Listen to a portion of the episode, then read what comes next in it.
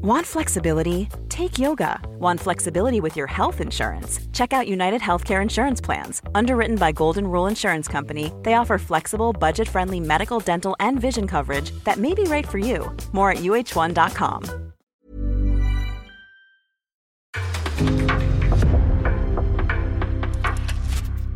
En podcast från Aftonbladet. Ja,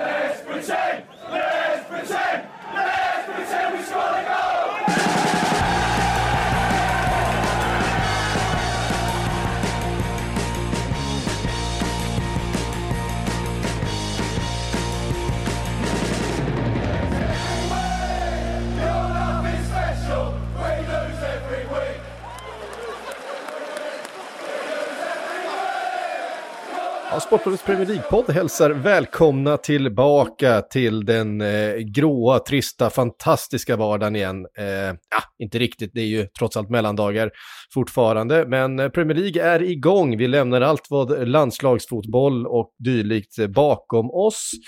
Eh, och så koncentrerar vi oss på det vi älskar mest, nämligen den engelska ligafotbollen i regn och rusk. Eh, nollgradigt. Frida, hur, hur har det varit på läktarna där ute de senaste dagarna? Ja, nollgradigt har det väl inte riktigt varit i Nej, eh, inte syd i alla fall. Nej, det ligger ändå uppe på en 8, 9, 10 grader. Så att eh, rent eh, temper- temperatursmässigt så är det okej nere i syd. Och det, solen fakt- eh, skiner faktiskt idag. Så att, ja, bara en sån grej. Det lät Bara- som psyk snarare beskrev vädret i söderort här. Det var ju, Ja. nej, det var ju patetiskt väder idag när man gick ut. det var Det har-. Det har faktiskt regnat rätt så mycket. Särskilt igår regnade det extremt mycket. Eh, Ja, men kombinationen regn, halt, blött, kall, nej det var... Ja, men det har sett, det har Ja, sett väldigt kallt ut ifrån, eh, på tv-bilderna från eh, Premier League-matcherna här i början. Eh, mycket dunjackor på, eh, jag minns alltså den där bilden på, på Alf Inge Haaland från igår, han stod med någon slags jacka i Leeds där och såg eh, sin son eh, göra två mål. Men eh, jag tänkte att vi skulle ta oss hela vägen tillbaks till eh, till tisdagen och börja med Arsenals match mot West Ham, Frida. Eh, vi hade ju lite frågetecken på Arsenal eh, inför den här omstarten. Skulle de kunna behålla den fina formen från hösten? Hur skulle de klara sig utan Gabriel Jesus? Och så vidare. Och eh, vi fick väl ganska tydliga besked att eh, ett, de har definitivt lyckats behålla en väldigt fin form och två, det ska nog gå att ta sig igenom den här perioden utan Gabriel Jesus också. De är väldigt bra ändå som kollektiv, absolut. Och Arsene Wenger satt ju på läktaren för första gången sedan han lämnade Arsenal, så det var ju väldigt stort och det var väl kul för honom antagligen också att få se Arsenal vända den här matchen, för de ligger ju faktiskt under ett, ett bra tag, men å andra sidan tyckte jag inte det kändes riktigt som att West Ham skulle kunna hålla ut, alltså när Arsenal väl satte in andra växeln. Och Martin Ödegård var ju en stor bidragande faktor till det. Han var verkligen the big star. Det var någon som sa att han kan hitta ytor i en telefonbox till och med. Och det ligger någonting i det, att han är så himla bra på att så fort han hamnar i trånga lägen så kan han alltid göra någonting utav det i alla fall. Och några framspelningar där som man nästan hade önskat att det hade blivit mål för att det hade blivit så himla snyggt då. Och sen Enketia som ju, ja, han får ju mycket rubriker nu eftersom att det var mycket snack inför om att han skulle komma in och hur ska han fylla Gabriel Jesus skor och han har ju fortfarande sina begränsningar, alltså Jesus har ju andra typer av, eh, ja, av kvaliteter än vad Enketia har. Men det Enketia är väldigt, väldigt bra på och som vi såg vid flera tillfällen i just den matchen, det är ju hans mottagningar och hur han kan vända, vända upp på ett så elegant och ja, men det är nästan lite sensationellt på något sätt. Alltså det är så otroligt hög klass på hans, eh, eh, ja när han tar emot bollen och sen så vänder upp och det är ju det som leder fram till, till målet han gör också. Så att det blev ju en väldigt bra kväll för Arsenal till slut och jag tror säkert att det kan styrka dem, eller stärka dem också, att de faktiskt tar sig tillbaka in i, i matchen trots att de hamnar i underläge och ja, vänder och vinner.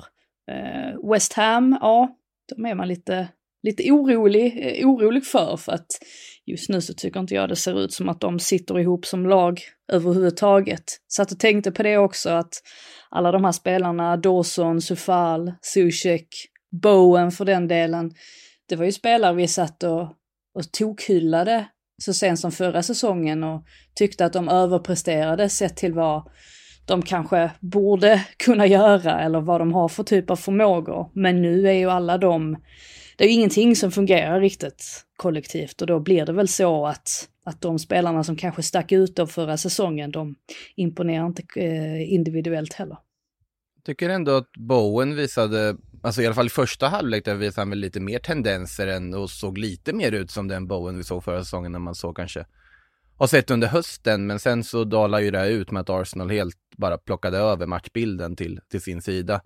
Det, om man också tittar tillbaka ett år, så Arsenal för ett år sedan hade ju haft problem att vända en sån här match. Det säger ju mycket om hur långt det här laget har kommit. Det säger hur mycket om att, att Arsene Wenger faktiskt dyker upp när han nu gör det. Eh, det, det, är ju en signal om något på att det här är ett Arsenal värt att dyka upp för. Det här är ett Arsenal som inte kunde få Arsene Wenger att stanna kvar utan drog honom till Emirates för att se, se det här laget spela och se vad de har blivit. Och det tycker jag att de verkligen visar. Och du nämnde ju Martin Ödegård och jag vill bara slänga på fler superlativer där för att det är ju bara att, ja, det har krypat i korset för min del, för jag kände ju när han valde att lämna Real Madrid för Arsenal och gå dit permanent så var känslan att han gjorde det för att han inte ville ha konkurrens, att han ville ha lugn och ro och att han såg begränsningar i vad han själv skulle kunna upp, uppnå. Nu har han en lagkaptensbindel på armen som 24-åring. Han spelar på en absolut total världsklassnivå. Eh, helt outstanding i den här matchen tycker jag och ja, tystar alla som på något sätt kanske tvivlade, mig inräknat på när han valde att göra den här flytten istället för att utmana sig själv till det yttersta. För här är han ja, absolut världsklass. Han är otroligt viktig för det här Arsenal. Han är ja, vital för det här Arsenal och ligger bakom allt egentligen. Sen måste man ge en eloge också till Bukayo Saka igen. Ja, det är ju inget... Eh, det är inget, eh, ja, det är inget nytt och han var väldigt bra i VM också. Jag vet att jag såg om Englands möte med Frankrike för inte så länge sedan och, in, och tänkte att oj, han, han var ännu bättre i den matchen än vad jag egentligen tänkte första gången jag såg den. Och när man ser honom här också mot West Ham, alltså, han spelar med en sån med en sån mognad och eh, ja, men ett sånt lugn också på något sätt. Som att han, ja, han ser bara ut att vara på rätt plats vid rätt tillfälle hela tiden. Han ser ut att älska att, att spela fotboll och det var nästan lite, lite emotionellt att se honom krama om Wenger där efter matcherna ja, första de gången träffades. de träffades va? Precis, ja. ja. det är ju sanslöst. Ja, det är ju liksom, ja det gick inte så bra med Wenger och nu är Wenger en av de här kostymnissarna i Fifa så att ens, ens kärlek till honom har ju svalnat lite grann sen, sen dess men han gjorde så himla mycket för Arsenal och nu står den här unge killen som kommer vara en del av Arsenal för en väldigt lång tid antagligen får vi, eh, mm. får vi nog mm. räkna med. Och äh, det, blir, det blir fint på något sätt, två, eh, två generationer som möts sådär. Eh, bara ett par tankar om eh, West Ham också. Du var inne på att det är, ser lite oroväckande ut. Jag tycker faktiskt att med det mittfältet man har, man har alltså eh, Declan Rice, Thomas Zuzek och Lucas Paqueta, så ska det inte behöva se så här ihåligt ut. Det ska inte mm. behöva se så här eh, idéfattigt ut som det faktiskt gör under... Man ska inte bli överkörd på mitten med tre så duktiga mittfältare. Jag menar, Eh, vi pratar Paquetá, brasiliansk landslagsman, Declan Rice ska vara hela Englands bästa defensiva mittfältare. Eh, och Thomas Zuzek som vi har hyllat så mycket, eh, de ska definitivt kunna stå upp mot eh, Thomas Partey, Martin Ödegård och Granit Xhaka, men det kan de inte. Det går inte. De får inte ihop det. Eh, och det tycker jag känns eh, väldigt eh, oroväckande, för att det är ju den lagdelen som, eh, som West Ham verkligen ska bygga sin framgång på. Um, alltså det, jag, det är lite oroväckande faktiskt. Jag gillar Paketa jättemycket som spelare, mm. men jag tycker inte riktigt att det har funnits någon konkret tanke hos ledningen eller vem det nu än är som värvar in spelare till West Ham. Alltså Moise har väl någonting att säga till om, men jag tycker på något sätt att de har misslyckats alldeles för mycket de senaste åren, att de får ut mer av de här spelarna de plockar in från, ja men som Dawson som kom från Watford och ingen ville ha honom. Alltså en, en sån fick, har de fått ut mycket mer av en spelare som de har lagt väldigt mycket pengar på. Och sen till som mittback, han är inte fem plus. för, att vara, för att vara snäll. Alltså, då är man snäll när man säger så. Men det är ju... ja, ja, fem plus är väldigt generöst. han, är inte, han är inte tre plus. Nej, det, det är han inte. Jag tycker bara att det, West Ham gång på gång så visar de sig inkompetenta när det kommer till sådana beslut. Och jag menar, när jag nämner Bowen också i det här sammanhanget, alltså av spelare som inte har liksom presterat på den nivån som man var van vid förra säsongen, så menar jag ju mer att det visar ju på något sätt att det här är någonting, alltså det är ett kollektivt problem snarare än ett individuellt problem. Alla de här spelarna kan inte tappa formen samtidigt. Mm. Alltså då finns det ju en mm. bakomliggande orsak som kanske inte har med dem att göra. Och det är så jag tycker det känns med West Ham just nu. Och det är ju faktiskt ganska oroväckande. Ja, är det dags växt... att börja fundera på David Moyes framtid? Jag tror det.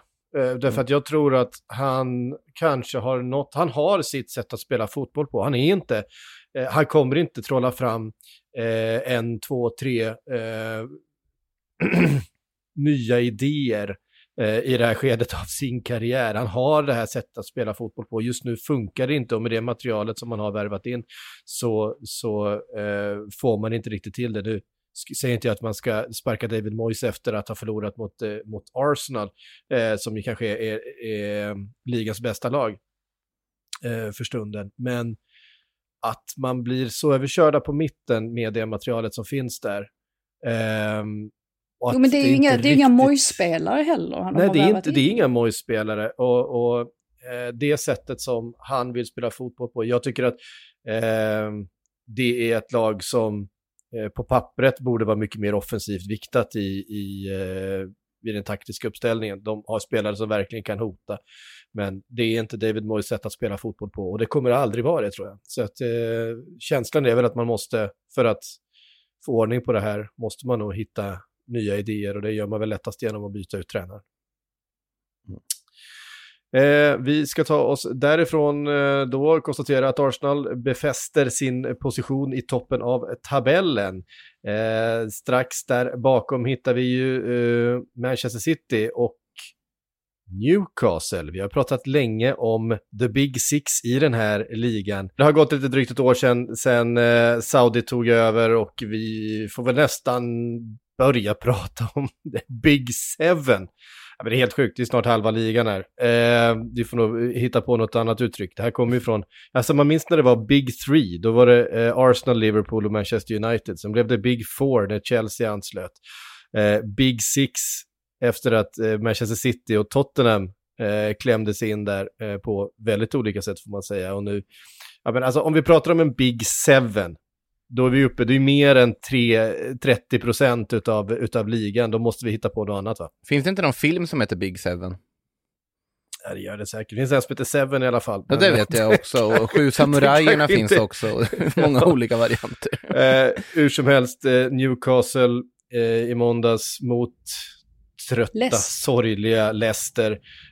Um, det var ju ingen snack. Det är, det är ett Newcastle som bara rider på den här eh, vågen från, eh, från hösten. Och uh, Almiron, vi hade, jag hade i alla fall lite sån där känsla av att det här VMet nog kom väldigt olägligt för honom, att han nu skulle behöva hitta tillbaks till formen igen efter uppehållet. Men nej då, han fortsätter spela på en, en helt sanslös nivå.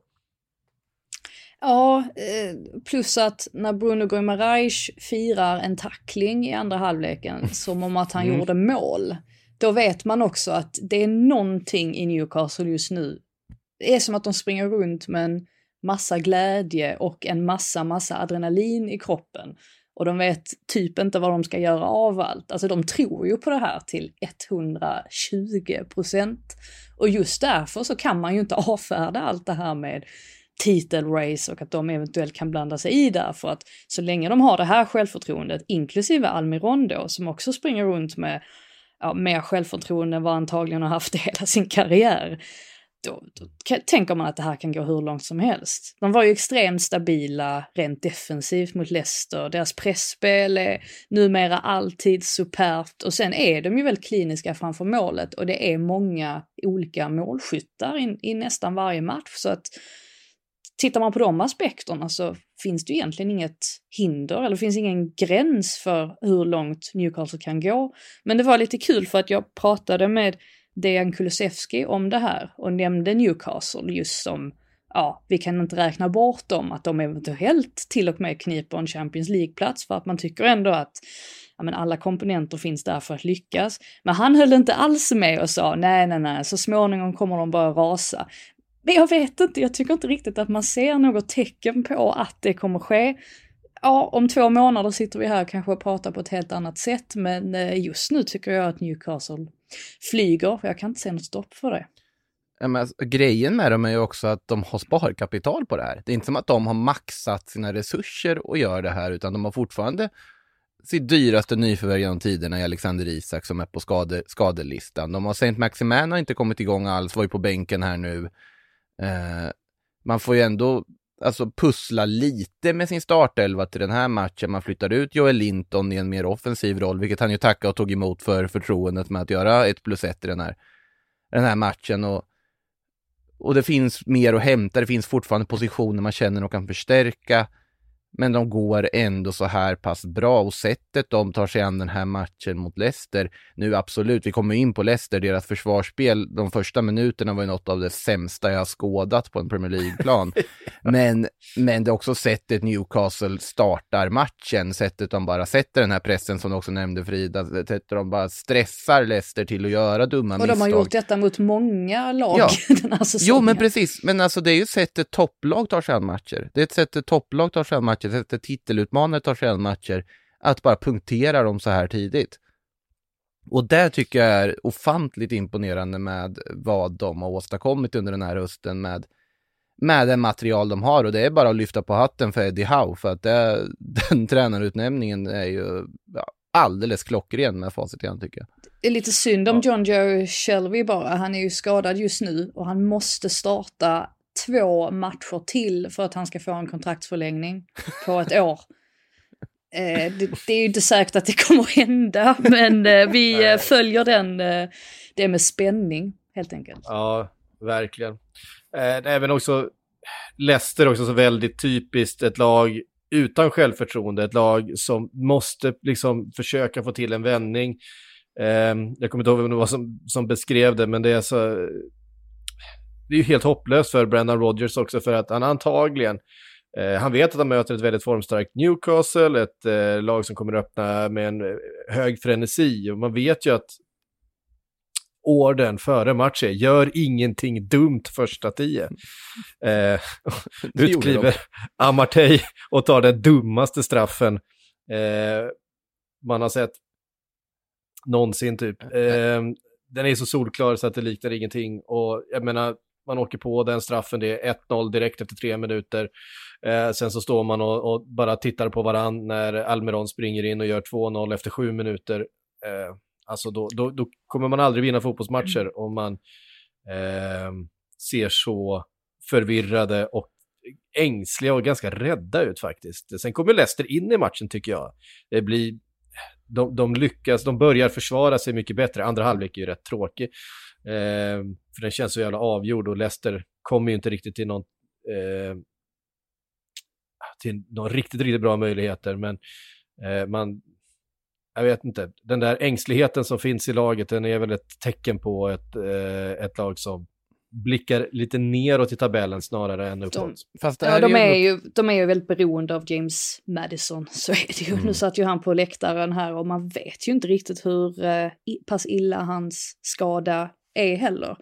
Och sen kommer det ett januarifönster där det antagligen inte kommer hända så mycket sett till hur det brukar se ut för Leicesters del för att Brennan Rogers, han pratar ju om att han behöver en vänsterback, han behöver en högerytter, han behöver antagligen en mittback också. Det är väldigt mycket mm. de behöver. Så att nu är det ju på något sätt upp till ledningen också att visa, ja men att, att de stöttar Brennan Rogers, för gör de inte det i det här fönstret, ja då vet man inte riktigt vart Leicester är på väg faktiskt. Han kan, det här, den här truppen är för bra för att åka ur, det tycker jag utan tvekan. Men samtidigt så måste man ju visa någon form av ambition också. Man kan ju inte bara, man kan inte bara nöja sig med det här. Det är ju en väldigt farlig väg att vandra, särskilt inte när man har en så pass skicklig manager som Brenda Rogers faktiskt är. Jag tycker att man borde värna att, ja, att vilja ha kvar honom, men vi får väl se vad som händer. De har ett kontraktsläge i truppen som är alarmerande med Thielemans på ett halvår kvar, Sojuntsu på ett halvår kvar för att nämna några exempel. Så att det finns ju väldigt mycket de behöver åtgärda. Sen oavsett vad, alltså de visade ju positiva tendenser där när de ändå lät Rogers fortsätta. När vi, i alla fall jag var en av de som tyckte att de borde kanske genomfört ett byte, så gjorde de inte det. Eh, fick vinsterna, mycket tack vare Madisons form såklart. Eh, men det får inte gå ut efter ett uppehåll och se ut som de gjorde i, i början av den här matchen. Det går inte bara. Eh, så ja, nej, vi får väl se om de kan stå tillbaka från det här, men det var ju en mardrömsstart på säsongen på alla sätt och vis för Leicester. Eh, det var lite av en sån där eh, toppen mot botten omgång, i alla fall den övre halvan mot den eh, nedre. Eh, det blev rätt tydligt i matchen mot mellan Manchester City och Leeds eh, som vi hade igår kväll. Alfinge Haaland-derbyt eh, som såklart då kröntes av två mål från eh, grabben själv, eh, Erling, som nu har gjort 20 mål i ligan den här säsongen. 20 mål på 15 matcher. Dock blir jag förbannad. Ja, jag blev lite sur bara för att de delade ut eh, priset för matchens lirare till Håland efter den här matchen. Jag tyckte att Kevin De Bruyne skulle haft ja, det alla dagar i veckan. För att han var ju den som drog i trådarna i den här matchen på ett sätt. Alltså vi har ju inte man har inte, ja, man har nästan glömt bort nu hur bra De Bruyne kan vara med tanke på vad vi fick se i VM här. Uh, han trivs betydligt bättre i Manchester City jämfört med Belgien, så mycket kan man ju säga. Jag känner bara frustrationen från alla FPL-spelare som satt med De Bruyne när de hör det här att han var ju så pass bra och låg bakom all och fick inga poäng överhuvudtaget. Eh, Nej, men, han, var, han var bäst på plan. Jo, jo, absolut, jag håller helt med. Jag håller helt med. Det var bara, bara en rolig detalj. Sen, eh, mm. alltså Håland missade ju ändå tre frilägen. Alltså, det var ju många avslut i den här matchen när han kändes lite så här off. Och det är väldigt svårt att kritisera honom när han har gjort två mål såklart igen. Lite men, fel eh, beslut. Eh, ja. Han, eh. han borde ha lyft bollen över Melier där ju vid var det första chansen, jag tror. Yes. Ja, det, är det, and, det allra första chansen bara efter 40 sekunder är faktiskt en helt sanslös räddning av Melier. Mm. Eh, jag tittade på highlightsen jo, precis innan här. På, han skulle ha lyft bollen jo, över han, han, han, gör det, men Melier räddar ju den med handen över huvudet alltså. Det är en, oh. alltså en utrustning där han lägger sig ner men får upp handen i en eh, helt fantastisk reflexräddning. Eh, den, eh, där ska det vara 1-0 egentligen. Men det är en, och Melier var väldigt, väldigt bra eh, i första mm. halvlek. Räddar ju eh, ganska mycket, alltså det är ju Manchester City som bara stormar framåt i vanlig ordning. Eh, väldigt mycket Jack Grealish. Jag var tvungen att skriva det efter 45 minuter där med två minuter kvar att spela för att han var verkligen inblandad i allting. Jack Grealish som då fick starta till förmån för eh, Phil Foden. Um, och, och var väldigt bra. Han var inblandad i oerhört mycket men hade så förtvivlat svårt med den där sista bollen in. Den träffade ofta första blocken eh, och dessutom så hade han ju ett par riktigt fina chanser själv i boxen som han eh, sköt över. De, de, Brönes, eh. de Brönes lilla flick där när han liksom tittar ja. åt andra hållet och sen så drämmer Grill, eh, Grealish, gud vilket skånskt uttal, Grealish. så drämmer Grealish avslutet över målet, den var ju nästan värst på något sätt. Alltså där blev man ju ja. arg för att det var så snyggt från De Bruyne, man tänker Oh, det var då jag skrev det? tweeten tror jag. Det var ja, det precis då jag skrev Den tweeten. affekten ja. men, men sen måste jag säga med, om Melier absolut, han gör ett par riktigt vassa räddningar i den här matchen. Men han gör ju också ett par ingripanden där man tänker att, hmm, det där var inte, det där var inte lika bra. Han är konstig på så sätt. Jag tycker att han ja, är så är... ojämn i sina prestationer, nästan jämnt, att han kan göra de här ja, men liksom världsklassräddningarna. Och sen i nästa sekund så, så gör han någonting som man tänker att ja men det där borde du ha gjort mycket bättre. Och jag förstår ju det här med att han är väldigt ung, fortfarande, mm. att han har mycket att lära och sådär. Men det, det, kostar dem ändå lite grann då och då. Eh, men å andra sidan så har man ju en målvakt med oerhört stor utvecklingspotential också så att det beror väl på vad man, eh, ja, på hur man ser det. Han ryktas ju till större klubbar av en anledning och det är för att han har extrem potential. Men sen ja, alltså sammanlagda insatsen från honom vid 1-0 målet går väl att diskutera ändå, men överlag så är han ju en, alltså han har ju, han har en hel del att göra i alla fall i, i den här matchen kan man ju lugnt säga och han räddar ju ändå några frilägen. Eh, må så vara att det är väl framförallt det sista Håland-friläget jag kände att eh, där borde han kanske gjort något bättre, norrmannen. Eh, intressant nu när han är uppe på 20 mål så har han ju redan gjort fler mål då på mindre än en halv säsong än vad skytteligavinnaren 08-09 gjorde. I form av eh, ja, de 19 målen som Nicolas Anelka slog till med då. Bara en sån sak. Kanske ska nämna också att eh, Rico Lewis trots allt startar den här Det matchen, vilket ju var lite överraskande. Ja. Det, ja, han stod ju uppskriven som högerback, men han var inte någon högerback. Han spelade ju betydligt mer centralt. Det var ju John Stone som var högerback i den här matchen nästan. Eh, men ändå, ja, precis, men ändå, eh, ja, men man förstod ju ändå varför, för att Leeds packade ihop centralt och Pep hade väl räknat med att de skulle göra det också i första halvlek har de ju ingenting Leeds, men sen i andra halvlek så tycker man ju ändå att de, ja och sen så måste man säga det också vid första målet, där är ju Leeds alldeles för naiva och våghalsiga. Alltså att ha så många spelare framför bollen med 25 sekunder kvar och första halvleken mm. när det ändå står 0-0, man hade nog hellre, man hade hellre tagit det resultatet, gått in i, i paus och sen försökt göra det man försökte göra i andra halvlek eh, och haft större möjligheter att få med, att få med sig någonting. Men eh, nej, tycker ändå att de visar lite mer positiva tendenser där i andra halvlek och det blir väl blir ju aldrig någon riktig nerv i matchen på så vis, men ja, de skapar ändå en del framåt. Pep Guardiola var ju sig själv i alla fall kan man väl lugnt säga, på, på, på alla sätt och vis. han, vad var det han sparkade för något? Ja, men alltså han sparkade en vattenflaska ja. mot, och sen så var misstag då mot, hamnar in mot Leedsbänken och det roliga är ju där när han inser att han har sparkat vattenflaskan mot någon på Leedsbänken och springer och ska be om ursäkt direkt efter. Eh, och det liksom bara skiftar på en sekund och det var, det var otroligt eh, rolig sekvens. Ja. Eh, Sen hade han ju hade han en show presskonferensen efter också. Alltså jag håller ju med. Han, han sa väl att Rico Lewis, det var inga små hyllningar när han sa att vi hade aldrig kunnat vinna den här matchen utan hans insats. Ja, eh, han hyllade givetvis Leeds för deras frenesi och inställning. Eh, och sen så hyllade han även Calvin Phillips kropp efter det, med tanke på de uppgifter ja, som har... Kan vi, precis, kan vi, kan vi prata om, hörde ni vad Leeds-fansen, vad de sjöng? Calvin Phillips, he eats what he wants. Och det var ju givetvis en pik då till vad att Guardiola, ja det var ju ett tjockhån från honom. På något sätt, på presskonferensen inför. Och det här med att Calvin Phillips då ska ha kommit tillbaka efter VM och varit överviktig. Och visst, han fick inte spela jättemycket under VM så att vem vet, han kanske åt för mycket och tränade för lite. men det var, det var ändå ganska, ganska hårda ord. Uh, undrar hur, uh, hur Phillips, Phillips tog det där själv. Men eh, nej, eh, Guardiola kände väl kanske att han hade delat med sig av för mycket och försökte väga upp för det då eh, under sin eh, ja, senaste presskonferens. A lot can happen in the next three years. Like a chatbot may be your new best friend. But what won't change? Needing health insurance. United Healthcare Tri Term Medical Plans are available for these changing times. Underwritten by Golden Rule Insurance Company, they offer budget-friendly, flexible coverage for people who are in between jobs or missed open enrollment. The plans last nearly three years in some states, with access to a nationwide network of doctors and hospitals. So for whatever tomorrow brings, United Healthcare Tri-Term Medical Plans may be for you. Learn more at uh1.com. Yep. Eh, vi tar oss vidare till, eh, nu ska vi se vart vi ska. Vi ska till eh, Chelsea-matchen. Eh, Graham Potter som eh, vi har haft en del, eh, ska vi säga, ja, frågetecken runt sig efter sin första tid i Chelsea.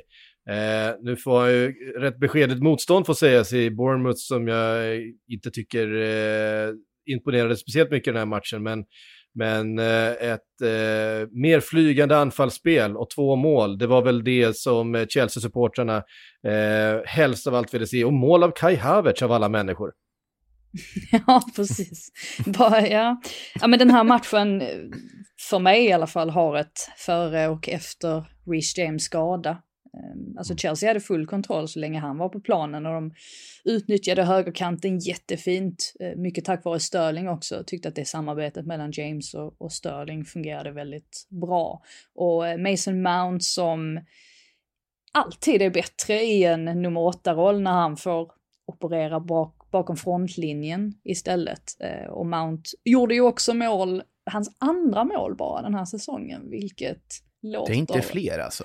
Nej, det låter väldigt lågt, men eh, han har ju inte riktigt kommit upp i den standarden. Han Chelsea gjorde det har inte gjort så slutet, mycket men- mål. Nej. Nej, precis. De har- De har ett färre än eh, Erling Haaland. Ja, och det är ju inte, det är ju inte något ovanligt heller, så har det sett ut ändå de, de senaste säsongerna. Men problemet här nu är ju James skada helt klart, att han Mm. åker på ytterligare en smäll. Nu kommer han väl inte bli borta så länge som man först befarade, utan det handlar om tre, fyra veckor. Men det är någonting skumt som pågår för att hans personliga tränare gick ut och eh, skrev någon Insta-story om att, eh, ja men som hintade om att Chelsea bär skulden för det här.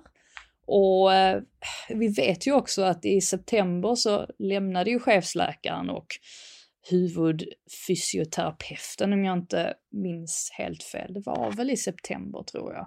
Och eh, med tanke på att de ändå har rätt så mycket problem med skador och Wesley Fofana åkte ju på en setback nu också för inte så länge sedan så började ryktas om att ja, Chelsea har problem på det departementet. Eh, så det är väl någonting man får ta tag i för att, ja, återigen så Rich James borta tre, fyra veckor, det är det sista Graham Potter behöver. Och han har haft rätt så mycket problem i det här att han har tvingats göra tidiga byten i nästan alla matcher. Nu var det inte som att Rich James åkte på en, en skada allt för tidigt, men det blir för mycket ja, det blir för mycket så här klippa och klistra egentligen för hans del. Det är inte optimalt. Eh, Så att eh, vi får väl se hur de hanterar den här motgången. Men en högerback ska väl in antagligen under januari. Ja, det är ju inte Eh. bara där heller. Det, det är många andra positioner de behöver, behöver förstärka. Det är ju... Alltså det är fascinerande, just, just det här liksom skadeproblemen också. Det säger ju en del att de spenderar så mycket pengar som de gjorde i somras och ändå sitter i ett läge man behöver förbättra varje position i truppen i princip. Ehm, så att, ja, och, att, som, och deras målskörd Kanske också, att Kai varje. Havertz faktiskt är lagets bästa målskytt den här säsongen, säger också en del om hur Chelsea har sett ut. Raheem Sterling var jättebra i den här matchen. Så jag tycker ändå Mm. att man har, alltså där till höger så han har ju verkligen cementerat sin, sin plats nu, även om han inte har gjort tillräckligt många mål heller. Ehm, så tyckte jag ändå att han var, ja, att, att han såg, han såg pigg, pigg ut nu i alla fall, så förhoppningsvis för Chelseas del så kan han komma igång också. Det är intressant att han har fått chansen till höger tycker jag. Eh, han har ju ändå spelat flest matcher i sin karriär, eh, utgått från, från vänster. Ehm, och kunnat skära in då och ha lite fler alternativ med sin, med sin högerfot. Men jag tycker också att eh, han, Han har var ju spelat bra den här matchen. Jo, Ja, han, han har, har han, har spelat. spelat, han har spelat alla positioner i, i anfallet såklart. Ehm, men ehm, men eh, ehm, jag tycker de har fått ut mycket eh, av honom eh, just på, på högerkanten. Ehm, vi tar oss vidare till Aston Villa-Liverpool. Ehm, Liverpool som ju såklart eh, lig- inte ligger där man, eh, eh, där man vill, där man eh, hade hoppats att man skulle göra vid det här skedet av säsongen. Eh, rätt mycket att, att jaga på då för Jürgen Klopp och hans lag. Eh, 3-1 blev det här, eh, en match som ändå var hyfsat jämn får man säga. Aston Villa skapar ganska mycket bra. Eh, men det är, det är som det är i den här typen av matcher, när två bra lag eh, möts men eh, storlaget på något sätt har kvaliteten som avgör matcher. De, målskyttarna som, eh, som kliver fram och i de avgörande lägena, Mohamed Salah efter ett fantastiskt förarbete av Eh, Trent Alexander-Arnold och eh, Andy Robertson, 1-0 efter bara fem minuter. Eh, sen blir det rätt spännande på slutet fram tills att Stefan Bajcetic eh, sätter 3-1 då med 10 minuter kvar ungefär. Eh, men det kändes ändå som en, eh, en positiv utveckling, alltså en, en match med väldigt mycket positivt att ta med sig för Liverpool som du för första gången under hela den här säsongen skrapar ihop tre segrar på raken. Ja, kändes väldigt positivt, positiva vibbar. Det är väl bara att Nunez ska bli lite skarpare framför mål. Sen är vi i hamn på något sätt med ja. allt. Alltså vi kommer ju börja prata om honom som en av världens absolut bästa spelare. Om han bara slipar till siktet. Alltså hans ja, rörelsemönster och, kommer... och löpningar är ju redan världsklass och han representerar ju förstås Liverpool som ju är en av de största klubbarna, men han måste bli mer effektiv. Men det känner han ju själv också. Eh, han, har, han har nästan allt. Eh, han, men, han är ju helt strålande förutom avsluten i den här matchen. Så att det, ja, precis. Alltså det, han är ju så jävla rolig att titta på. Alltså det, det, är verkligen så här att nu är det match imorgon igen då mot Leicester. Och det jag sitter och tänker på är att jag ser bara fram emot att se Darwin Nunez spela fotboll. För att han är ju, alltså eh, kaotisk har ju eh, beskrivits som den här insatsen eh, utav eh, i stort sett alla som såg den här matchen. Men det är svårt att hitta andra. Det händer så otroligt mycket runt honom. Han springer på allt. Han drar på sig så fruktansvärt mycket bevakning. Han är svår att tas med. Han bökar han och stökar. Han ser ut att ha kul också. Ja, det, det, det, är ju roligt att se. Man vet ju aldrig vad som ska hända. Eh, han, han, tar avslut från alla möjliga eh, håll och kanter. Han lyckas med jättesvåra saker. Han misslyckas med jättelätta saker. Eh, men det händer hela tiden någonting. Eh, och den här förmågan att vara eh, in, involverad hela tiden, att, he, att aldrig hamna liksom utanför matchbilden. Eh, det är en, en förmåga som jag inte riktigt vet hur man tränar på. Jag tror nästan att den är på något sätt medfödd, men det är som att allting bara dras mot honom på något sätt. Eh, är otroligt fascinerad eh, utav Darwin Nunez och, och det, det, som sagt det är kul att se honom spela fotboll för att det är, det är bara att det är, han är en virvelvind liksom. Ja, absolut. Det... Måste, eh, måste ju och, nämna, alltså du, du nämnde ju Bajsetic där lite kort, men mm. alltså det är ju inte bara någon sån här alltså, ungdomsinhopparmål han gör som man kan se att de får peta in en boll efter ett kort inhopp och lite glada. Alltså, vad, vad är det för mottagning och ja. och självförtroende i den aktionen. Jag tycker även, även Doak när han kom in tyckte jag också imponerade och tog verkligen chansen att visa upp sig. Båda de ynglingarna som men, fick men nu möjligheten. Är de, nu är de ju obehagligt unga. Alltså, vi, så, ja. säger, har, så har man alltid sagt att oj, här kommer någon som är född 98, här kommer någon som är född 99, här kommer någon som är född 00. Nu snackar vi alltså 2004 och 2005. Alltså de har levt lika länge, alltså Facebook har funnits i hela deras liv. Alltså det, jag, jag tycker det är helt bisarrt att det, vi har kommit ner i de åldrarna nu. Det kommer bara bli värre och värre kommande år. Men eh, ja, eh, cred till dem för att de kan komma in och ändå göra avtryck på något sätt mm. när man är, när, när man är ja. så pass ung. Det är imponerande. Jag kan säga att Ben Doak, alltså Bajcetic är ju en, en, spelare som eh, har eh, tagit plats eh, sen i somras kan man väl säga. Eh, då han, han kom väl dit då? Var, han kom i somras och eh, var väldigt, väldigt eh, bra mm. direkt i, i, i försäsongen. Jo, jag tror han värvades i somras. Eh, mm. Ben Doak har ju nu under de här senaste veckorna fick ett, eh, en chans i ligacupen tror jag, där han kom in och var helt strålande. Och varenda gång jag har sett Ben Doak, född 2005 alltså, spela fotboll, så har jag suttit och bara förbluffats över hur bra han är och vad han gör på en fotbollsplan. Han lyckas med så otroligt mycket. Eh, och jämförs ju eh, faktiskt inte helt utan, utan anledning med en eh, eh 17-årig Wayne Rooney, även om Wayne Rooney vid 17 var en, liksom ett helt annat slags monster. Eh, han var ju redan då en av, av ligans bästa spelare, men de påminner lite grann om varandra, eller han påminner lite grann om, om Wayne Rooney i eh, sättet som han bara helt orädd tar sig förbi eh, motståndare och, och spelar med en otrolig liksom, tempo och intensitet. Eh, sen är det väl kanske lite utseende, utseendefaktor i det också, att de, de jämförs. Eh, men det, det, det, är en, det är en fascinerande spelare, Ben Doak faktiskt. Han får ju inte spela så mycket mer nu med tanke på vem som presenterades igår dock, känns det ju som. Precis. Ska vi, ska vi, ska vi säga Godi Du vill säga något va? Cody Schack på. som det egentligen Jaha, ska du- uttala, uttalas. Nej men sluta. Chakpo. Schack. Han är holländare, det ska vara Chakpo. Men det är Eh, väl du inget säger- holländskt namn? Eh, det vet jag inte. Hans men han pappa är, väl holländare. från Togo? Jag bara antar att, Gakpo. att det är ett... I Holland säger man Chakpo. Okej. Kommer du säga Eh. Gakpo?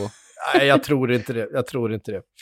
Eh, nej, men det är ju det är ju också en, eh, klart inte en, eh, en eh, förstärkning på en position där eh, man vid första anblick skulle kunna tänka sig att Liverpool behövde förstärka här och nu. Men vi vet ju att det är väldigt mycket matcher, det är mycket spelare på skadelistan. Det finns också fem byten att tillgå här och jag tror att ska man vara konkurrenskraftig i, med de här förutsättningarna så eh, behöver man ha väldigt mycket bra fotbollsspelare i truppen. Eh, här såg man en, en möjlighet att få en spelare till ett pris eh, som eh, man helt enkelt såg värdet i. Mm. Eh, och just här och nu, nu så har vi liksom Alex Oxlade Chamberlain startar till vänster i, i det där anfallet i den här matchen. Och det är klart att eh, det är ju inte helt optimalt. Eh, man har ju alla sina normala vänsterspringare skadade. Så att eh, han kommer nog komma in och han kommer nog få speltid ganska omgående här i, under nästa vecka. Och, eh, han är ju framförallt, han, han gör ju mycket mål, men han är ju framförallt en assistmaskin.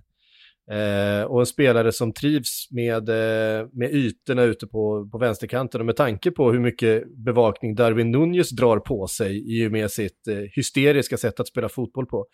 Eh, så eh, är väl känslan att, att eh, Gakpos fina, fina fötter, som vi framförallt är, kommer eh, skörda en del framgång med avslutare som Mohamed Salah. Kanske då om Darwin Nunez kan, kan sätta en boll i mål eh, då och då också. Så att, eh, det ska bli spännande att se den, Ja, den han kan nog smälta in rätt bra ja. Och det är bra, Eh. precis som du säger, är det ju bra timing för honom också. I och med att det ändå är en del bortfall just nu. Mm. Eh, när alla är tillbaka, då sitter de ju med en arsenal som man undrar, ja, vad ska de göra av alla spelare? Men ja, vi pratade väl om det i Sillypodden också, att det är Mm. väl det, den verkligheten vi går mot nu, att ska man vara med och slåss om titlarna så måste man ha oerhört breda trupper för att hänga med. Mm. Ska vi säga något om Villa också i, i den här matchen. Jag tycker ändå, alltså även om de inte vinner den här matchen så finns det ju ganska tydliga tendenser på att det kommer gå åt rätt riktning i alla fall med Unai Emery vid rodret. Tycker sättet de tar sig tillbaka in i den här matchen i alla fall och det finns, eh, finns saker offensivt. Leon Bailey börjar se ut som Leon Bailey igen, vilket han inte har gjort sedan han kom till Villa i princip. Oj, Eh. jag tänkte såga Bailey, vad intressant. Du tänkte såga Bailey, jag tyckte ändå att han var inblandad i saker.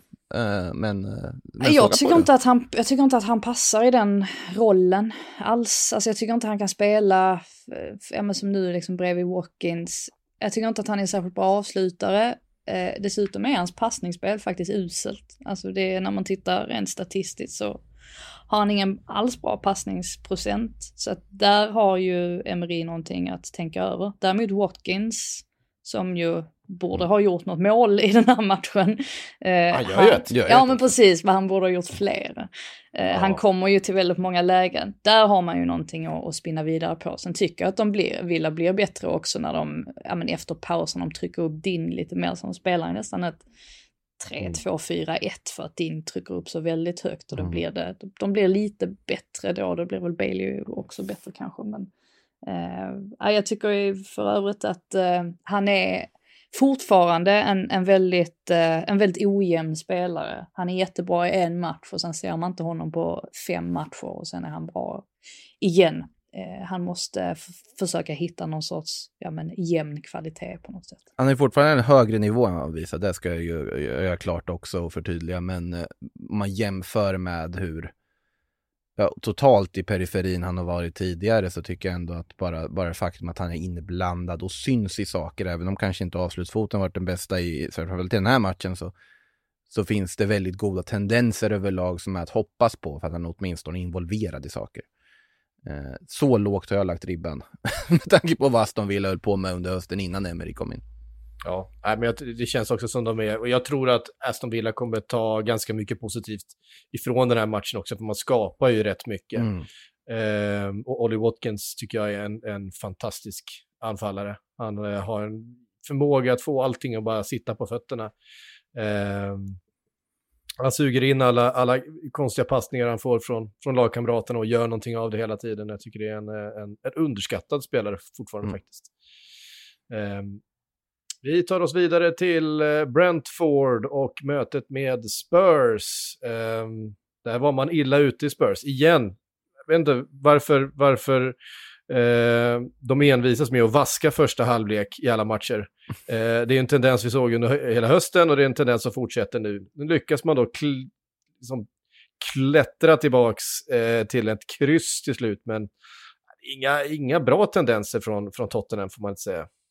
Nej, jag frågade ju Dejan det också, varför, typ exakt det, varför vaskar ni eh, första halvleken och börjar spela efter halvtid? Eh, han, han hade inget bra svar på det. Och det är kanske det som är mest, eh, ja, mest oroväckande egentligen, att de inte riktigt verkar veta varför de startar på det sättet som de gör. Sen är ju Brentford, det ska man ju ge dem, eller man ska hylla dem för det också, att Eh, Eh, Thomas Frank har ju hittat på något sätt ett vinnarkoncept mot, ja nu vann de inte men det gick ju väldigt bra inledningsvis i alla fall, alltså en matchplan mot de här större klubbarna. Och det, den går ut väldigt mycket på att ja, men att alla måste jobba väldigt, väldigt hårt. Att man måste dels eh, ja, men stänga av centralt, eh, men man måste även se till att göra jobbet, alltså när bollen kommer ut på, mot kanterna. Man måste vara överallt och det ligger ett stort ansvar på en Boomer och eh, Ivan Tony också, att just att de måste droppa ner och sen så måste de snabbt upp när eh, när Tottenham har, har bollen i, i backlinjen just för att ja, men sätta press. Så att det är inte det att de lutar sig tillbaka hela matchen och liksom inväntar anfallen utan de kliver upp också ganska rejält. Och Rico Henry har ju, ja men han, han liksom löper fram ganska starkt på, på sin vänsterkant och så. Så att Brentford är ju ett roligt lag att titta på. Jag tror ändå i Tottenhams fall att deras största problem på något sätt finns i trebackslinjen. Eh, att bortsett från Romero så har man kanske inte riktigt de passningsfötterna där, vilket gör att fram tills då andra halvlek när man ligger under och man vet om att man måste börja släppa på handbromsen när de vågar lite mer och kliver fram lite mer så blir det väldigt mycket stiltje. Och det är någonting som de måste, de måste se över och det är någonting som jag antar att Conte är medveten om också och att det är därför han är på om det här kring att ja men nu kommer det ett januarifönster här så att Tottenham måste lite grann visa var, ja men liksom Leicester måste Tottenham visa var deras ambitionsnivå mm. ligger och se till vilka spelare man plockar in. Eh, det är väl det, är väl det man landar i, nu var ju inte Bentancourt med och det är ju lite sådär också efter VM att det, det är vissa spelare som som eh, ja, men har spelat väldigt mycket och inte är med och så, alltså det är avbräck och hit och dit. Eh, Bentancourt var ju dels skadad, sen var han väl avstängd också, så det var ju dubbelt, dubbelt upp där. Men... Det är bäst att vara skadad när man är avstängd. Ja, precis. Det är ju eh. faktiskt det är ju rätt smart ändå. Men, men oavsett vad så, så är det ju ett jätteproblem för, för Tottenham för att Thomas Frank skojade ju till och med om det på presskonferensen efteråt att ja, men vi vet att de startar långsamt så det var bara för oss att köra och sen så sa han nej jag skojar bara. men det gör han ju inte. Alltså att alla, alla är, konkurrenter är ju medvetna om att det är så här det har sett ut för Tottenham och då tror ju alla på det också när, man, när de kliver ut. De känner väl ingen rädsla under första halvlek i alla fall. De känner väl däremot rädsla under andra halvleken för att Tottenham har ändå de här spelarna som Harry Kane som helt plötsligt kan torna upp sig och trycka in en reducering och sen så kommer Tottenham tillbaka in i matchen och Kulusevski som tycker är bra här också. Han mm. kan ju ändå stå för den där kreativa biten som de verkligen behöver och som de saknar när han är borta. Så att, eh, där, är, där är mycket bra i Tottenham, men absolut, den grejen måste ju bort. Helt klart. De behöver ju få in karaktärsspelare liksom på något sätt. Jag håller med om försvaret att det är ett problem och nu också när Cuti Romero fortfarande firar VM-guld så märks det att han är borta tycker jag. Som väl är den som håller nivån i den där trebackslinjen annars. Men de behöver någon någon som kan bidra med lite annat i det här försvaret också. De behöver lite mer karaktär på mitten med. Jag tycker Bissoma tog inte alls chansen här. Jag har inte tagit chansen överhuvudtaget egentligen under den här hösten heller innan så att det, det, finns ju mycket. Nu var det ju ett ganska skadeskjutet lag också. Många spelare som vanligtvis kanske inte startar ja, i målet bland annat. Fraser Forster tog ju inte chansen kan man väl lugnt säga. I, kändes jätteosäker och rädd för möjligheten han har fått där när Hugo Lloris fortfarande är på VM-ledighet. Så. Menar du vid första målet eller vad syftar du på? Ja, men överlag alltså stabbig, lite osäker. Eh, jag kändes inte alls helt övertygande tyckte jag i, i målet. Nej, Eh, jag tyckte också han kändes lite särskilt när han, eh, ja, men i, i luftrummet och sådär. Men Ja. jag tycker ändå på första målet att, jag vet inte, det är rätt svårt för honom ändå när, när bollen tar en sån, alltså det, den får ju en deflection, vad heter det, eh, en Styrning. styrning. Eh, Mm. och det är ganska svårt för honom tycker jag i alla fall, att göra någonting åt den då. Jo, Men, jo, jo. Ja. Det det är ju inte en dundertabbe på så vis, utan det är mer liksom det allmänna intrycket av honom i målet som, som jag reagerade på. Men eh, nej, som sagt, det är ju det är svårt att såga dem allt för mycket med tanke på hur mycket omkastningar det var i backlinjen, men samtidigt så har de ju som sagt vaskat första halvlek även när de har haft ordinarie lag tidigare, så att det är uppenbarligen inte bara ett problem på spelarnivå. Nej. det är ju det är beklämmande att vara 2-0-1 lång och eh, se så pass... Eh, ska jag säga. Beklämmande att se för, prata för om- Patrik Syk. Prata om längden igen. Ja, men alltså att inte, att inte dominera sitt luftrum bättre när man är 2,01 lång och väger 300 kilo. Eh, jag menar, om det, det är ju det Fraser Forster har. Det, han är ju liksom, han är ju den läskigaste målvakten i hela ligan. Eh, han, ska ju bara, han ska ju bara komma ut och, och, och täppa till det där. Men det gör han inte. Jag, jag glömde fråga vad du tycker om att, hur, hur uttalar du det, Chapko?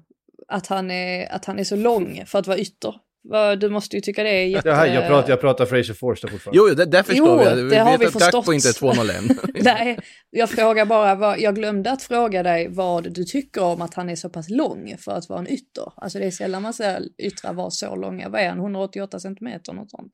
Ja, eh, nej, men det är, väl, eh, det är väl bra. Sen ser han ju inte någon utpräglad varken eh, huvudspelare eller eh, targetspelare eh, som jag har förstått det. Jag har inte sett asmycket av honom heller, utan det man, det man har noterat är ju hans liksom, fina fötter i första hand. Eh, bra teknik, men framförallt väldigt, väldigt bra poängfot. Eh. Sen är det klart att har man de fysiska förutsättningarna, det är svårt att lära någon bli längre. Men däremot så kan du nog lära någon att utnyttja sin längd eh, och, och träna på de bitarna, träna huvudspel, träna eh, duellspel i, i luften och så vidare. Men det är väl inte några saker som han har varit speciellt eh, känd för egentligen. Nej, Kan ju det komma var, med bara tiden sagt också. med, ja, det var bara sagt med glimten i ögat. Ja. Men, det, är men klart, Fraser det är aldrig en fördel, det är aldrig en nackdel att vara lång. Så kan man väl säga. Nej, men, men Fraser, Forster är just nu är ändå någon, på något sätt undantag som eh, motbevisar din målvaktstes ändå. I alla fall i den här matchen. Så jag förstår Ja, och det tycker jag inte om. Det tycker jag inte om. Nej. Eh, vidare därifrån då till Manchester United som städade av Nottingham Forest. Eh, Manchester United som ju jagar anfallare, bland annat eh, Cody Gakpo var man ju väldigt eh, intresserad av, men man kanske inte behöver någon när Marcus Rashford ser ut som han gör. Eh, Bra han är. Ja, han har verkligen hittat tillbaka så det här är nog ett lag som kommer må ganska bra av att en viss eh, Cristiano Ronaldo nu eh, svassat iväg till eh, sydligare breddgrader någonstans, eventuellt Saudiarabien, vi får väl se. Mm. Ja, men det tror jag, det, det hörde man ju lite mellan raderna också när Christian Eriksen pratade om det efter matchen, just det här med att nej, men vi har gått vidare och vi tänker inte på det som har varit och vi tänker inte på Ronaldo. Alltså han sa ju det i stort sett rakt ut, vilket får en att tänka att det har nog varit ganska så, även om Ronaldo har många fans i det omklädningsrummet så har det nog varit ganska så jobbigt att ha en sån stor personlighet över sig som kanske inte har varit helt nöjd med livet. Eh, för helt plötsligt ser ju Marcus Rashford ut att eh, trivas jättebra med livet igen, vilket han inte har gjort på väldigt länge. Och jag tyckte att han var väldigt bra i, i VM också. Eh, jättefin hörnvariant där med Eriksen som han bara Mhm. dundrar in och sätter på något sätt, eh, ja men eh, verkligen, eh, ja, ja men man förstår vart den matchen är på väg väldigt tidigt. Casemiro, väldigt dominant, alltså inte sen Roy Keane har man väl sett någon bossa runt Uniteds mittfältet på sättet som han gör det. Eh, så att visserligen, ja, alltså Forrest får ju en, ett mål eller en reducering bortom därefter um, att VAR har eh, kikat på den, men bortsett från det så var ju Forrest aldrig ens nära i den här matchen. Luke Shaw som mittback också. Den, han var ju eh, bra som det. Nu var det att jättestora prov kanske, men...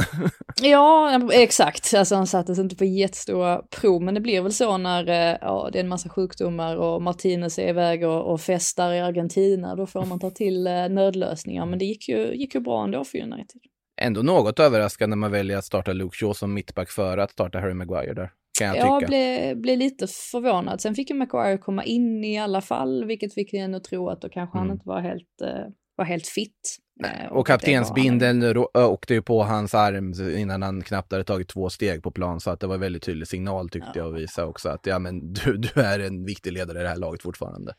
Sen har ju Forest, alltså de har inte gjort ett enda mål på sina sex senaste bortamatcher, vilket är ett ruckigt dåligt facit. Och de sätter sig ju på, alltså, de sätter sig själva i skiten här också, för man, om man får uttrycka sig så. Alltså det är ju Rashford för som är helt omarkerad där vid första målet, sen Hennessy ska ju helt klart göra det bättre på Martials andra mål, och sen är det Casemiro som avväpnar Denis, alltså de gör ju inte det, de gör inte det enkelt för sig, Forest, så man man tänker att även om det finns mycket potential i den där truppen så undrar man hur det kommer, ja, om de faktiskt lyckas klara sig kvar. Det, det ser ju, det ser bättre ut nu, sjukt nog, än vad det gjorde för någon månad sedan. Jag tyckte att den matchen borta mot Arsenal var verkligen, det, det var bottennapp. Det var ju då det blev bråk i spelartunneln och man märkte att ja, men Steve Cooper var också jättefrustrerad och förbannad. Mm. Nu känns det lite bättre ändå, men ändå så åker man på en sån här smäll mot United. Men ja, får väl se om de, eh, om de ändå lyckas få med sig eh, poängen och målen så småningom. Nu har de ju bara fem nyförvärv skadade. Så att det, det är positivt att det går åt det hållet, för nu börjar det ändå se ut när man tittar på startelvan, men det här är väl ungefär vad de hade tänkt sig. Det är, och flera av liksom, nyförvärven som börjar komma in i det och det viktigaste för Forrest är att inte börja nu spendera pengar igen, vilket de ändå har gett vissa tendenser om att de funderar på att investera på nytt i, i truppen. Nu är det bara att försöka få de här att faktiskt lära känna varandra och ge dem tid, för du har redan gjort alla Eh, gjort 23 värvningar i somras. Så nu gäller det bara att få dem spel tillgängliga och försöka bygga på det här och få ihop någonting. Men nej, jag, jag är lite orolig för Forest, det är jag, inför fortsättningen. Ja, ja, herregud, jag tycker de definitivt ser ut som ett av lagen eh, här och nu mest, eh, mest sannolikt eh, att spela Championship eh, nästa säsong. Eh, vi hade ett riktigt eh, dramatiskt streckmöte just runt det strecket mellan Everton och Wolves. Eh, två lag med ångest och eh, framförallt ett lag med ångest eh, efter slutsignal för att eh, det var ju en kryssmatch som eh, Everton bara, jag vet inte. Eh, Ait Nouri sätter 2-1 för Wolves i, det är typ matchens sista spark. Oh. Mm. Eh, och det är, det är rejält deppigt hos eh, Lampards gäng. Ja, alltså de följer ju in i gamla dåliga vanor, Everton får man ju säga. Eh, när man tittar på hans bänk också, eller bänken som Lampard har att tillgå, så är den ju väldigt blek. Alltså Lopetegi, Lopetegi han kan ju kasta in landslag, landslagsspelare och han kastade ju in målskytten där också, Ait Nouri. Mm. Men Lampard, han hade ju egentligen bara, det var väl Gray och sen så Tom Cannon till sitt förfogande. Alltså det säger ganska mycket om vilken, eh, ja, vilken skillnad det är ändå. Eh, och de här sex veckorna, ja, det har inte gjort väldigt mycket för att lösa några av Evertons mest uppenbara svagheter. Eh, så att, ja, lite, lite, ja, lite läskigt ändå för Evertons del och de måste väl se till här under januari också att göra någonting för att när de här andra lagen där nere i botten som Wolves exempelvis har så mycket mer Ja, men de, de har mycket, mycket större resurser att tillgå på något sätt, eller de har i alla fall lagt de resurserna på spännande spelare som Kunja nu exempelvis. Mm. Alltså då, då blir ju konkurrensen väldigt mycket hårdare också. Man måste se till att, att eh, ha något form av S i rockarmen i alla fall. Jag tyckte inte Wolves såg ut som att, alltså de har inte fått helt grepp om allt ännu, vilket är förståeligt. Eh, men det märks att eh, Lopetegi, att han har skruvat på några saker. Alltså Moutinho hade en mer framskjuten roll och sen eh, Joe Hodge, han hade lite mer defensivt ansvar och så vidare. Men här har de ju, de har, de har flytat, de får med sig de här tre poängen, men det säger också ganska mycket om Everton på något sätt. De, alltså med Wolves med Lopetegi som ny tränare och material, de, de kommer inte åka ur. Alltså det, det är känslan jag har, det, de är för bra för det. Lopetegi är en för bra tränare för det och det, det, sen är det ju totalt skifte i hur man spelar fotboll och ta in honom för deras del. Men jag tror att det, det kommer gynna dem i det långa loppet och de kommer att se väldigt bra ut i vår. Det är jag övertygad om. Eh, Everton, ja, jag är faktiskt, precis som jag är orolig för Nottingham, så är jag väldigt orolig för Everton. För jag tycker att de, om du visar de tendenserna, det fanns ändå vissa positiva tendenser att ta med sig under hösten när man ändå fick ihop försvaret, när Connor Cody kommer in på det sättet han gör med Tarkovsky och det faktiskt finns någon sorts stabilitet i laget. Att ha det, de positiva sakerna under hösten och ändå ligga där de gör i tabellen nu är en indikation på att det här kan bli riktigt illa till våren. Det, det är min känsla här i alla fall. Men en, en ganska betydande faktor här är ju också att Conor Cody inte fick, spe, inte fick spela mot eh, Newcastle, han är ju på lån därifrån. Och, Wolves menar du? Ja, för, mot Wolves. Eh, och han betyder ju väldigt mycket mm. för det här försvaret och nu vill ju Everton köpa loss honom eh, från Wolves. Och eh, det känns väl inte helt omöjligt att det är så det kommer bli. Eh, det känns som Wolves har, har gått vidare mm. Eh, med andra alternativ hur som helst. Eh, får säga någonting om Crystal Palace Fulham. Två röda kort. Eh, and that's all she wrote. Eh, ja. Crystal Palace hade inte riktigt... Eh, nej, det var som, bollarna studsade rätt för Fulham i början. Sen kommer det första eh, röda kortet. Eh, sen kommer det andra röda kortet och sen två mål till för, för Fulham mot 3-0. Eh, alltså ska Mitrovic få vila någon gång? Alltså han har ju spelat med brutet ben i princip under hela VM och så trodde han skulle få vila nu, men nej, då är han här och gör en matchavgörande igen. Ja, kollektivt haveri från Palace, så kan man väl säga. Ingen skillnad egentligen från förlusten mot Forest, inklusive laguttagningen, vilket är, var lite intressant att notera. Men eh, ja, de, alltså börjar man på det sättet, eller startar man en match på det sättet som de gjorde så brukar det sällan gå bra. Nej, och jag menar, det är ju så, det är så klantigt av uh, eh, Tyreek Mitchell att gå in på det sättet i den. Uh, det är ju inte den, det är inte den mest brutala tacklingen man någonsin har sett, men, men det går inte att argumentera mot det röda kortet. Uh, och sen får man ju jaga och ja, två gula på James Tomkins och då, då är det inte så mycket mer uh, att säga om, men det, det är starkt av Fulham som jag hade en hel del Eh, frågetecken runt inför den här säsongen att fortsätta eh, ta så mycket poäng. Men man är uppe på övre halva nu med det här laget och det, det är ruggigt mm. imponerande faktiskt eh, jämfört med eh, eh Crystal Palace som eh, också som vi hade högre förhoppningar på, men som nu, nu då ligger tre poäng bakom. en match till att bara redovisa, det var Sydkust, sydkustderbyt då eh, mellan Southampton och eh, Brighton. Och, ja, vi sa att Nottingham Forest ligger illa till. Eh, det gör Southampton också. Ja, oh, jösses. Alltså Nathan Jones, eh, han byter alltså formation fem gånger under den här matchen. Jag trodde inte mina ögon.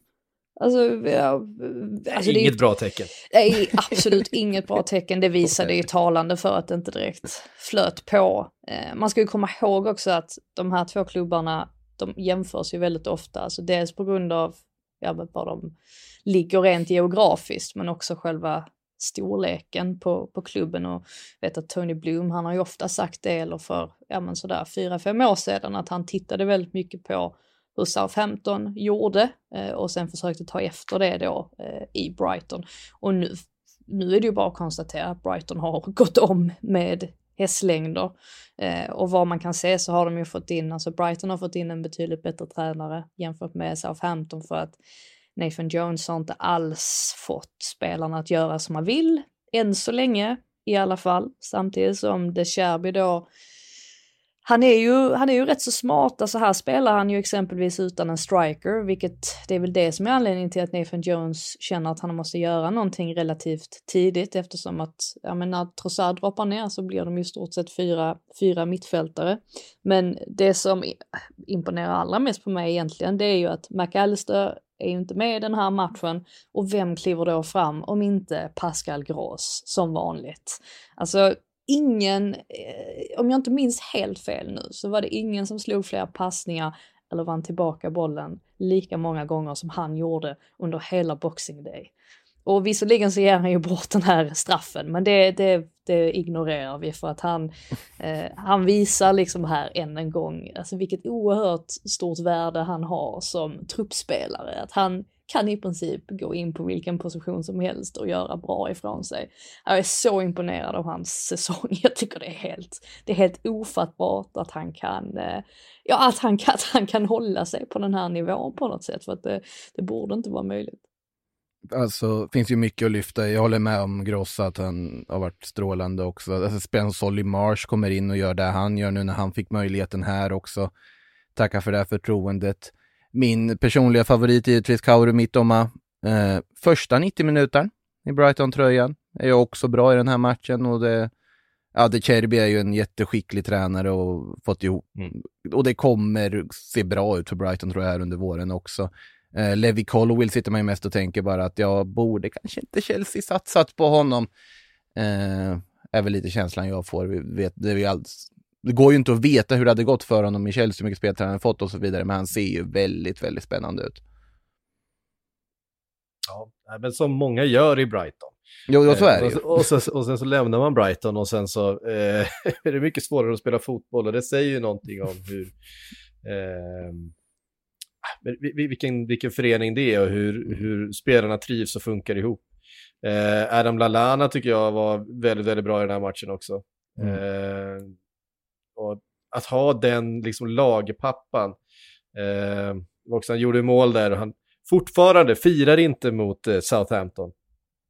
eh, det tyckte jag var intressant. Det är ändå rätt många år sedan han spelade för Southampton. Men eh, han är ju från, från trakten. Eh, hörde ni, det var faktiskt allt vi hann den här eh, torsdagen. Jag ska återgå till mitt mellandagsfirande, men matcherna de fortsätter komma. Vad ska du på i helgen, Frida? Eh, jag måste tänka, alltså jag vet knappt vad det är för dag idag. Eh, det blir, Torsdag. ja, det blir väl Tottenham först va, på nyårsdagen och sen är det väl Arsenal Newcastle va? i dagarna och sen är det Chelsea Man City. Ingen, alltså jag får kolla på mitt schema, men jag tror att det är de matcherna jag ska på. det, är, det är otroligt mycket, mycket matcher som, som kommer här i, mm. i Premier League och det tycker vi om. Ja, um, det är vi. Eh, Sportbladets Premier League-podd är i alla fall tillbaka eh, nästa vecka. Vi får väl se eh, eh, hur vi får ihop. Jag är fortfarande på semester då, men, men man får ta semester från semestern för att prata lite fotboll ibland. Så är det bara. Eh, men vi är tillbaka i alla fall i eh, nästa vecka och sen eh, veckan efter det då börjar själva eh, lunken infinna sig igen, tror jag. Men vi säger i alla fall god fortsättning från oss och så hörs vi snart igen.